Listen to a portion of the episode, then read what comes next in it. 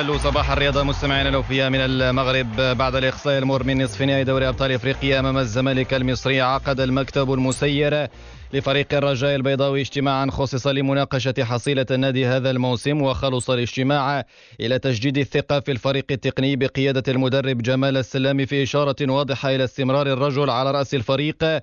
في الاستحقاقات القادمة. وأكد مكتب الفريق الأخضر أن التركيز سينصب في الفترة المقبلة على المباراة القادمة أمام الإسماعيلي المصري برسم إياب نصف نهائي كأس محمد السادس الأندية الأبطال العربية والتي قد تبرمج في الأسابيع القادمة علما أن مباراة الذهاب انتهت بفوز الإسماعيلي بهدف نظيف مغربيا دائما هذه المرة في الجزائر كشف مدرب المنتخب الجزائري جمال بالماضي أمس عن قائمة تضم 24 لاعبا تحسبا للمباراتين المقررتين أمام كل من زيمبابوي والمبرمجتين يومي 12 و 16 نوفمبر الجاري.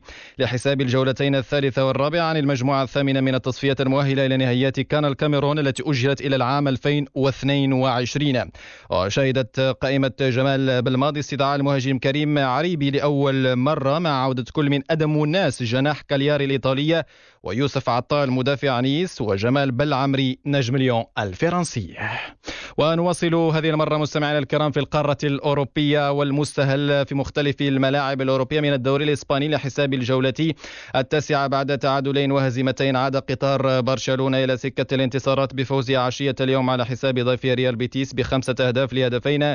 وبات النادي الكتالوني في الصف الثامن ب 11 نقطة مع العلم أن برشلونة تنتظر مباراة ناقصة. المباراة شهدت الإشارة إصابة اللاعب أنسو فاتي وتعرضه لتمزق في غضروف ركبته اليسرى بحسب بلاغ للنادي والذي لم يذكر مدة غياب اللاعب فاتي التي قد تصل بحسب تقارير صحفية إلى أكثر من شهر ونصف وقد تمتد لخمسة أشهر في حال خضع فاتي لعملية جراحية. من جهة ثانية صعد أتلتيكو مدريد مؤقتا إلى الصدارة بفوزه السهل على كادش برباعية نظيفة.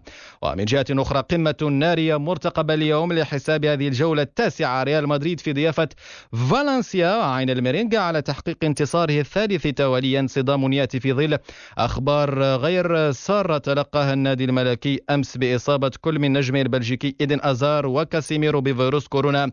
ليلحق بالمصاب سابقا بكوفيد 19 إيدير ميليتاو. مباراة ريال مدريد وفالنسيا تنطلق في تمام الساعة التاسعة من مساء هذا اليوم. نواصل رحلتنا في رحاب الدوري الإنجليزي. هذه المرة لحساب الأسبوع. الثامن. الدولي المغربي حكيم زياش يواصل التوهج والتألق في سماء البريمير ليج بقميص تشيلسي. كيف لا؟ والأسد المغربي قاد أمس تشيلسي إلى الفوز على ضيف شيفيلد يونايتد بأربعة أهداف لهدف واحد بعدما أسهم زياش بال assist. أي تمريرات في ثلاثة أهداف وبدقة عالية وبصم على المباراة جيدة.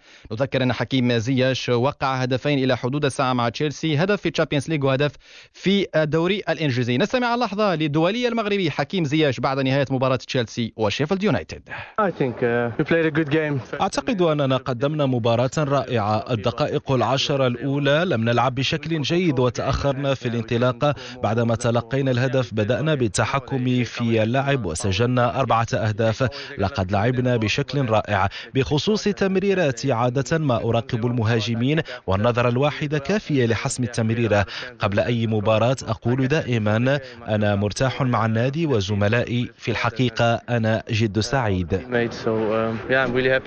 أما إيفرتون فسقط على يد ضيف مانشستر يونايتد بثلاثة أهداف لهدف واحد ليتراجع التوفيز عن بدايتهم القوية هذا الموسم وباتوا في الصف السادس.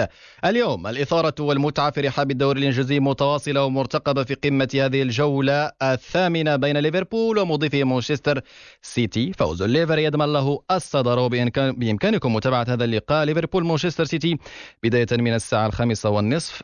مساء نغير الوجهة صوب الدوري الألماني البوندسليغا في إطار منافسات الجولة السابعة والحديث عن الكلاسيكر الألماني بين بايرن ميونخ ومضيفه بوروسيا دورتموند. البايرن قلب الطاولة على دورتموند وفاز عليه بثلاثة أهداف لهدفين بفضل هدف لوروا ساني في دقيقة 80 وبهذا الفوز رفع النادي البافاري رصيده إلى 18 نقطة في الصدارة بينما تجمد رصيد بوروسيا عند 15 نقطة. نختم بالتنس وبطولة باريس للتنس الأساتذة. أمس أقصي رافائيل نادال على يد الألماني ألكسندر زفيريف بمجموعتين نظيفين. زفيريف ضرب موعدا في النهائي مع الروسي دانيال ميدفيديف المتفوق على الكندي ميلوش راونيتش. بهذا مستمعينا الكرام نكون قد بلغنا آخر محطات عدد اليوم من صباح الرياضة.